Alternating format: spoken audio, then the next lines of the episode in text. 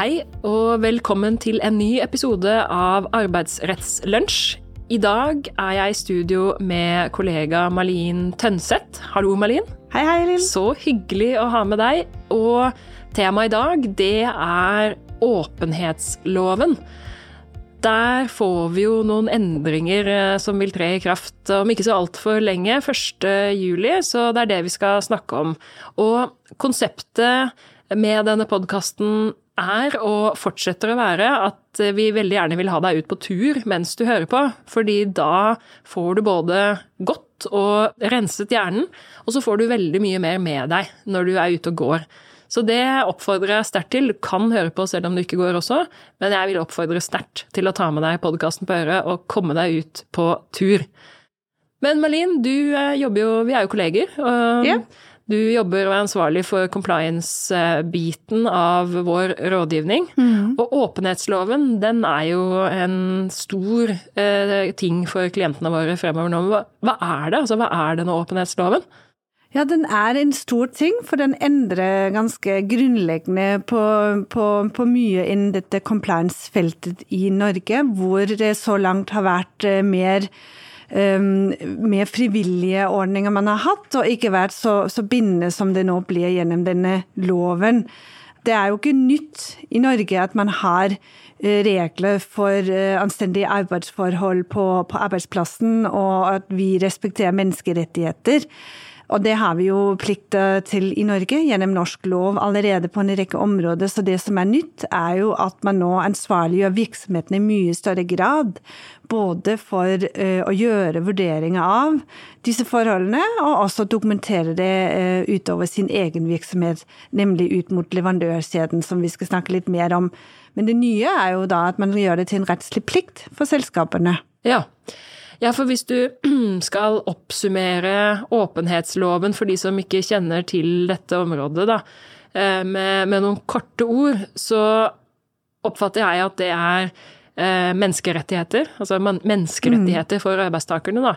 Og én ting er menneskerettigheter i egen virksomhet, og som du sier, der har jo tross alt med, med stillingsvern og det hele, så er jo vi gode på det i Norge. men Naturlig nok har vi ikke nødvendigvis sett det som vårt ansvar å sikre noen menneskerettigheter eller rettigheter generelt for ansatte i leverandørkjeden, men det er altså det vi får en plikt til nå, da, for en del selskaper. Ja, det er riktig. Og så ligger det jo også i selve navnet i loven, altså åpenhetsloven, at man forplikter selskapene til å være åpne om det.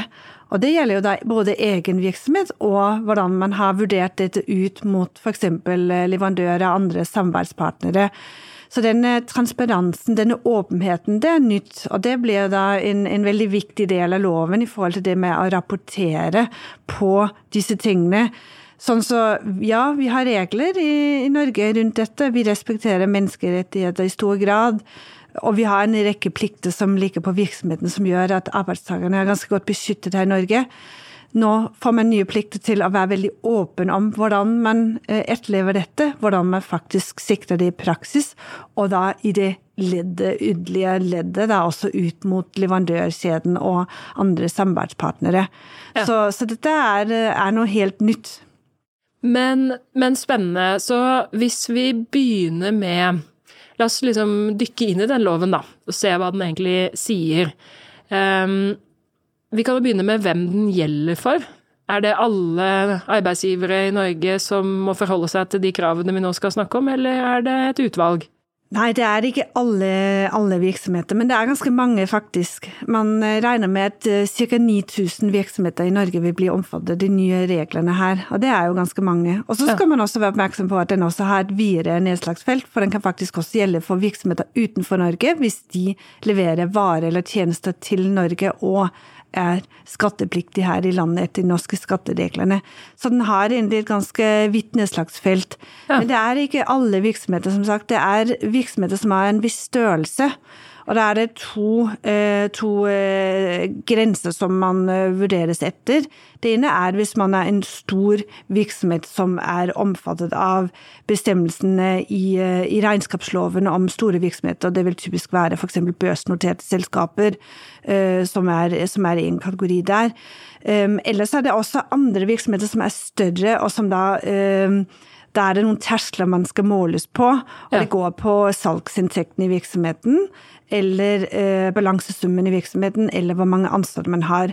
Og da er det altså sånn at hvis, man, hvis eh, virksomheten overskrider to av disse tre grensene, ja. eh, enten har en salgsinntekt som overstiger 70 millioner kroner i året, eller har en balansesum som overstiger 35 millioner kroner, eller har en gjennomsnitts eh, har ansatt mer enn 50 eh, årsverk i løpet av et regnskapsår i gjennomsnitt. Så eh, hvis man da går eh, over to av disse kriteriene, så er man en større virksomhet, og da skal man etterleve disse kravene. Ja. Så det er litt sånn teknisk, faktisk, og vi ser jo at det, er noe som det blir stilt en god del spørsmål ved hvor mange av våre klienter lurer på om de er eh, over eller under disse tersklene. Ja. Og det, litt, eh, det, kan være litt skattetekniske ting i disse tingene osv. Så, videre. så her har vi, mm, har vi opplevd at, at, noen trenger litt støtte for å avklare om de går under eller over disse tersklene, og hvordan de eventuelt treffes. Om loven gjelder, rett og slett. Men, mm. men hvordan er det da hvis du er et selskap i et konsern, og så isolert sett så er det ingen Du går ikke over på noen av disse tersklene, men så er det totalt sett i konsernet sånn at man går over? Er, ser man konsernet som sådan da, eller? Ja, altså i konsern så er det faktisk sånn at man må se på det samlet, så da vil eh, konsernforholdet spille inn, og da vil ja. det kunne, da kunne det påvirke sånn at eh, selv en, en mindre enhet i et større konsern vil bli omfattet av den eh, samlede vurderingen, det må ses totalt under ett. Nettopp. Sånn at um, ja. Det, det, er eh, som sagt det er litt sånn tekniske kriterier um, og man må gjøre en, en nøye vurdering av det. Ja. Og det samme gjelder for selskaper som vi nevnte utenfor Norge, som har virksomhet inn mot Norge osv. Der er det også i forhold til skattereglene at man må forstå hvordan de treffes av disse reglene eller ikke, for å finne ut om man er omfattet. Men ellers så kan du si at det grunnleggende kriteriet er dette med størrelsen, så det er én ting. Mm om man er omfattet pga. disse parametrene her. Og så er det selvfølgelig det helt essensielle at man også må enten selge vare eller tjenester for å være omfattet. Så, så eh, stilleselskapet som ikke har noen, eh, egentlig har noen um, hva skal man si, aktiv virksomhet i den forstand, ja. de vil jo eh, gå klar av reglene. Mm. Mm. Ja, ikke sant. Nei, det er vel ikke noe poeng å, å måtte sikre menneskerettigheter noe sted hvis du ikke selger varer eller tjenester, Nei. så det høres ut som et, eh, et, logisk krav. Mm. Nei, men ok, så, så, hvis vi da har uh, funnet at, man, at loven gjelder, så blir jo liksom 10 000 kroner-spørsmålet hva er det da som Hvilke krav er det da som stilles til deg? Hva er det denne åpenhetsloven sier at du skal gjøre? Ja, som sagt, eh, det handler mye om dette med åpenhet og transparens. Og dette med compliance er jo et felt som vi har sett er et voksende område hvor man har eh, mye fokus på det. Vi har sett andre regelsett komme inn de senere årene, hvor virksomheten forventes å gjøre så forsvarlige vurderinger av hvorvidt de etterlever ulike regler, og også kunne dokumentere dette, som f.eks. innenfor personvernområdet, hvor man har etter hvert fått ganske detaljerte krav til mm. virksomhetene. Og det får man nå da også på dette området, hvor det da blir eh, virksomhetenes ansvar å gjøre såkalte aktsomhetsvurderinger. Som helt enkelt betyr at de må kartlegge og undersøke hvordan de som virksomhet faktisk eller potensielt bidrar til noe som kan ha negative konsekvenser for grunnleggende menneskerettigheter eller, eller anstendige arbeidsforhold. Ja. Og dette handler jo om at man, man får denne plikten til å gå det opp. Man kan ikke liksom bare si at vi har, et, eh, vi har som et, et firmaprinsipp at vi gjør dette, eller, eller vi etterlever disse reglene. Vi må også faktisk gå ut og vurdere helt konkret, foreta en slags risikovurdering mm. i forhold til de eh, leverandørene og eh, f.eks. andre samarbeidspartnere man har. Nettopp. Mm. Og der syns jeg jo at, eh, at loven er Den er jo ganske informativ når det gjelder selve den plikten man får, da, fordi i paragraf fire i denne loven, som mm. trer i kraft 1. juli, så, mm. så, står det der med at man skal utføre disse aktsomhetsvurderingene, og så står det det skal skje i tråd med OECD sine retningslinjer. Så her har det jo ligget mm. retningslinjer før, men ikke noe man har vært rettslig forpliktet til å følge. Så nå endrer jo det seg. Og så kommer det en smørbrødliste av forhold som man skal ta opp, f.eks. at man skal forankre denne ansvarligheten i mm. retningslinjene, mm. Mm. og så skal man kartlegge og vurdere negative konsekvenser osv. Så, videre. så det er vel fair å si at, eh, at, det er et eh, godt stykke arbeid virksomhetene nå må inn i for å i første omgang få et blikk på hvordan ser leverandørkjeden vår ut, og hvor ligger de risikoene for, for, brudd på menneskerettigheter? For en god del virksomheter så vil det nok være det. Mm. Så kan du tenke at noen har vært mer modne på dette med compliance fra før, ja. og har ganske mye grunnsokkel på plass allerede. Fordi Vår anbefaling, og det som vi også opplever at myndighetene har fokus på, er at man ønsker å få dette Eh, inn i samme Altså man jobber med dette på samme måte som man jobber med andre compliance-områder, ikke sant? Ja. Så det ikke skal være en, en spesial eh, nødvendigvis at man har en egen eh, policy og en hel egen prosedyre for det å gjøre disse aktsomhetsvurderingene. Jo mer du kan få det innarbeidet i hvordan man i virksomheten for øvrig jobber med compliance og sikrer etterlevelse, og har gode rutiner for å ha det nedfelt i sine policy-dokumenter internt i virksomheten, mm. at man har retningslinjer og ikke minst at man faktisk vurderer helt konkret hvordan eh, opptrer vi, hvordan opptrer vår leverandørkjede, hvilke krav stiller vi til leverandører og samarbeidspartnere osv. Mm. Jo mer du kan få det innarbeidet i noe eksisterende, så er det jo eh, Da er du godt på vei til allerede å etterleve det. Men så har du helt sikkert og åpenbart noen virksomheter som ikke har jobbet så Eh, hva skal man si, detaljert eller strukturert med compliance eh, fra før, og som kanskje da må starte litt mer fra, fra scratch med å bygge noe som de ikke allerede har, eh, har i dag. Men hvor, hvor, går grensen her, da? Altså fordi på, på, den ene enden av skalaen, når man sier man skal gjøre noen aktsomhetsvurderinger, så kan man se for seg en papirøvelse eh, med noen vurderinger, og, og så stopper man der. På den andre enden av skalaen så kan man se for seg å engasjere eh, eh investigator som går inn og gjør undersøkelser på fabrikken. Ja. Ja. Eh, hvor er vi i, på den skalaen? Nei, altså Kravene og forventningene til virksomheten vil jo variere alt etter størrelse og hva skal man si, hvilken, også hvilken risiko det ligger iboende i virksomheten. For det er klart at er du en ganske stor virksomhet som har mange ansatte, eller og har mange leverandører, kanskje til og med i en rekke tredjeland hvor vi vet at man per i dag ikke har like stort fokus på menneskerettigheter, og man ikke har de samme grunnleggende rettighetene som vi har etter norsk målestokk og etter våre demokratiske verdier osv., så, videre, mm. så vil jo på en måte forventningene til de, eh, den vurderingen du gjør, øker. øke. ikke sant? Sånn at er du en mindre virksomhet, så, ikke, eller, eller, har kanskje bare noen få leverandører, kanskje til og med bare i Norge, så er jo ikke nødvendigvis de forventningene like høye i forhold til hva du må gjøre. Men samtidig så kan man si at for den lille virksomheten nå snakker vi jo uansett bare større virksomheter, da, så, så lille og lille vil den jo aldri være. Men altså, så, la oss kalle den litt mindre kompleks virksomhet, da. Mm. Så, så, vil det kanskje også være, være enklere for virksomhetene å få armene rundt dette. Ja. Og da vil man i hvert fall ha en forventning om at man har god kontroll på det, det lille man tross alt har, og at man har, er i stand til å dokumentere det. Men alt annet like, jo større risikoen er, jo mer omfattende undersøkelser må man gjøre. Og som sagt, kjøper man produkter eller tjenester fra leverandører i, i, i land som er kjent for å skåre lav på respekt for menneskerettigheter, så, så økes jo eh, aktsomhetskravene åpenbart. Ikke sant. Men du sa et viktig ord, nemlig dokumentere. Det, kan du si litt mer om, om det? Ja, disse aktsomhetsvurderingene man gjør, og du nevnte dette med OECDs veileder den er jo ganske førende for det man forventer av virksomhetene her. De må jo dokumenteres, og i den veilederen finner man for øvrig også ganske god veiledning på hvordan man kan dokumentere disse vurderingene man har gjort. Mm. Så det holder jo ikke at man bare har uh, gjort seg opp en mening om dette, men man må på en måte også dokumentere det, og i siste ende må man også rapportere på det. Så det kommer også rapporteringskrav i forhold til uh, årlig dokumentasjon for de vurderinger man har gjort. Sånn så det er det, det må dokumenteres, det må nedfelles. Og du nevnte også dette med Altså, det forventes jo i, i, liten grad at man er ute og gjør konkrete undersøkelser, f.eks.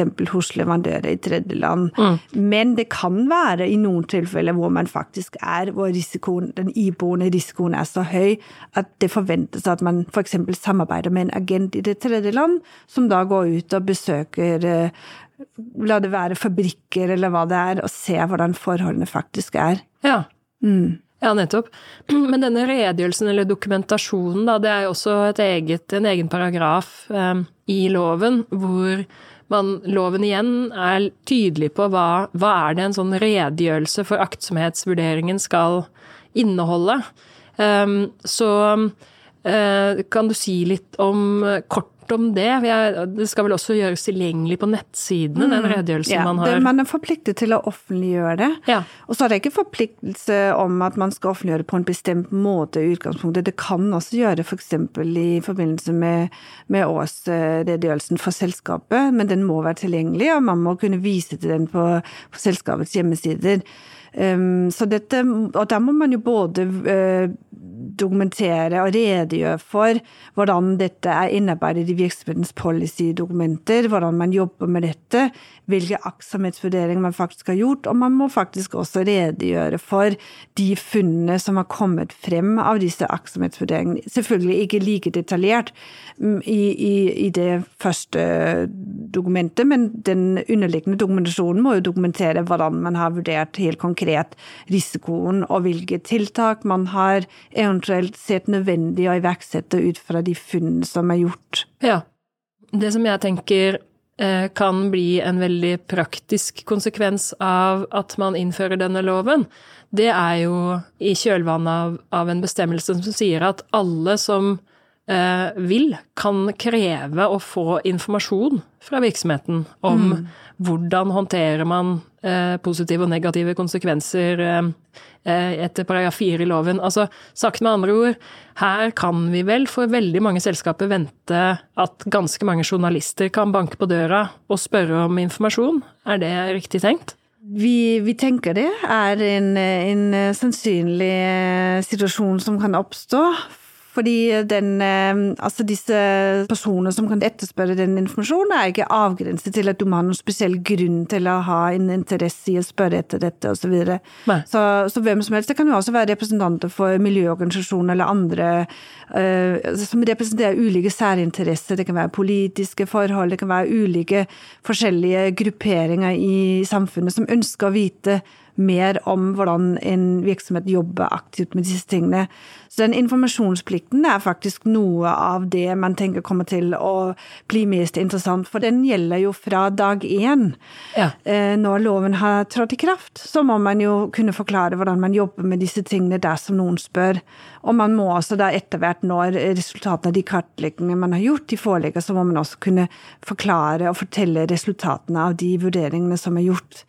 Ikke sant, og det, det bringer oss jo over på nå sitter vi og spiller inn eh, dette i begynnelsen av april, 1. juli, som er mm. datoen hvor denne loven trer i kraft. Det er ganske eh, kort unna.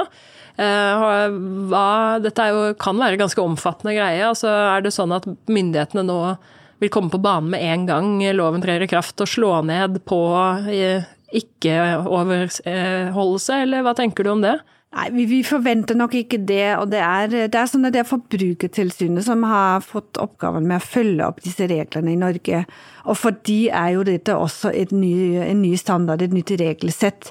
Og Forbrukertilsynet har selv nylig lagt ut eh, informasjon på sin nettside om hvilke forventninger de har i første omgang til etterlevelse av disse reglene, hvor de gjør oppmerksom på at de kommer nok ikke til å sanksjonere veldig hardt uh, umiddelbart, fordi disse reglene trenger litt tid i forhold til å gå seg til, og virksomhetene skal forstå hvordan de skal jobbe med disse tingene. Så de ser vel først og fremst den første perioden, sin egen rolle som å være mer veiledende rolle. Samtidig så har de vært ganske tydelige på at dette med informasjonsplikten, akkurat eh, som vi snakket om i stad, for hensyn til å faktisk kunne gi informasjon om hvordan man jobber med dette, det er noe man forventes å være klar til fra dag én. Ja. Og eh, det kommer de til å håndheve dersom ikke virksomhetene kan forklare eller kan gi svar på hvordan man eh, jobber med å etterleve disse reglene, og hvilke vurderinger som gjøres, og hvordan man rigger virksomheten i forhold til det. Så et veldig praktisk råd for de som ikke er ordentlig i gang, det er i hvert fall kom, kom i gang. Altså ikke sitt og vent på 1. juli. Legge opp en plan for hvordan eh, man skal jobbe med dette, sånn at når mm. media eh, banker på døra 2. juli, så kan man i hvert fall gjøre rede for hvordan man jobber med det. Og det er jo Da er man veldig langt på vei, tenker jeg. Det er jo som vi sier med alt annet compliance-arbeid, at det handler egentlig ganske mye om å ha en plan for hvordan man jobber med disse tingene. Mm. At man gjør undersøkelser, at man gjør eh, et grunnarbeid i forhold til å si at disse, det er disse kravene vi skal etterleve. Vi har kartlagt vår risiko som virksomhet. Vi kommer til å jobbe videre med å følge opp disse risikoene sånn og sånn.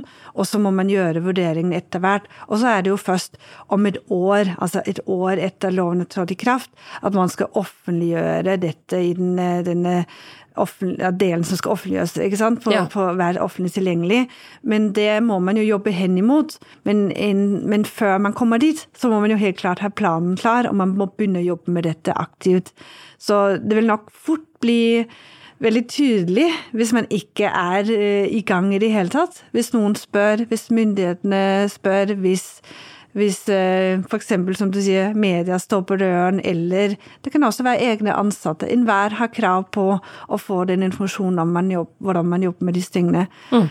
Mm. Ja, her er det bare å brette opp ermene. Absolutt. Det er eh, egentlig eh, bare tiden av verden nå, som du sier. Vi, har, vi nærmer oss første, 1. juli, så er, hvis man ikke allerede er i gang, så er den klare anbefalingen å komme i gang med å se på dette så fort som mulig. Du er jo på tilbudssiden, du. For vi vi Simonsen Fugt Vik med deg som eh, i spissen har jo laga en app på dette. Det har vi. Vi har forsøkt å i hvert fall hjelpe våre kunder eh, til å forstå i første omgang eh, egentlig basically, som vi også snakket om innledningsvis, er vi i det hele tatt omfattet av disse reglene, og hva er de overordnede kravene hvis vi er omfattet. Så det er klart at vi kan ikke gi uttømmende juridisk bistand gjennom en app, men vi tenker i hvert fall at er sånn, et sånn type verktøy. Det er en veldig, veldig sånn enkel måte å få noen raske svar på hvor står vi, må vi gjøre noe mer, hva kommer til å skje, hvordan omfattes vi av disse nye reglene. Så der man kan jo starte der, hvis ja. man ønsker å få et sånt, eh, et sånt første ja, uforpliktende, men eh, i hvert fall et bilde av hvor man står i en slags vurdering av det. Men hvis jeg er et selskap som lurer på eh, om jeg er omfattet, og så prøver jeg å finne den appen, hvordan, hva gjør jeg da? Jo, den har vi lagt ut på våre hjemmesider, så da er det bare å gå inn på Du kan både gå inn under våre arbeidssted der, og den ligger også under ESG og bærekraft og på compliance-sidene. Så flere veier til, til rom her. Ja. Den ligger i hvert fall åpen tilgjengelig, og den er åpen for alle, så enhver som er interessert, kan bruke den, og, og det er helt eh, ja, gratis og fritt fram. Ja. Nettopp. Mm. Spennende. Nei, men og sånne apper, eh, som du sier, kan selvfølgelig ikke få deg helt i mål, men det det kan gjøre er to ting, tenker jeg. Det ene er at du kan få en første, en første, indikasjon på om du er omfattet eller ikke som virksomhet. Og så har jeg veldig tro på eh, det som skjer når du først begynner å sjekke en sånn app, og så gå inn på den. Så har du ikke kommet i gang med arbeidet da, så er det en veldig fin startskudd mm. for faktisk å sette i gang planleggingen. Mm. Og det er jo noe av det vi har lyst til å hjelpe til med nå når vi sitter her også. Å få sparka folk litt i gang mm. med å se på gjelder det for meg, og i så fall hva er det jeg skal gjøre for noe? Um, så, så, som en intro til det, til det, arbeidet, eller som en fortsettelse av det arbeidet, så, så er denne podkasten uh, tenkt, da. Ja. Men uh, bra. Vi får jo bare i en sånn setting som dette gått litt i overflaten av hva det dreier seg om. Uh, jeg antar at hvis noen skulle ha spørsmål om detaljer osv., så, videre, så står du klar til å hjelpe? Det gjør jeg, og er, vi er et større team som jobber med dette. Vi ser det er veldig Det er mange spørsmål som reises rundt dette, så vi får eh, stadig spørsmål om det. Det er bare å ta kontakt, så kan vi, kan vi hjelpe. Ja. Ja, men Flott. Tusen takk for at du kom i dag for å snakke om åpenhetsloven. Mm. Og så håper vi du som hører på har fått uh, tatt deg en tur, økt kompetansenivået noe på compliance og åpenhetslov. Og så ønsker vi deg en fortsatt fin dag, og velkommen tilbake til neste episode av Arbeidsrettslunsj. Takk for i dag.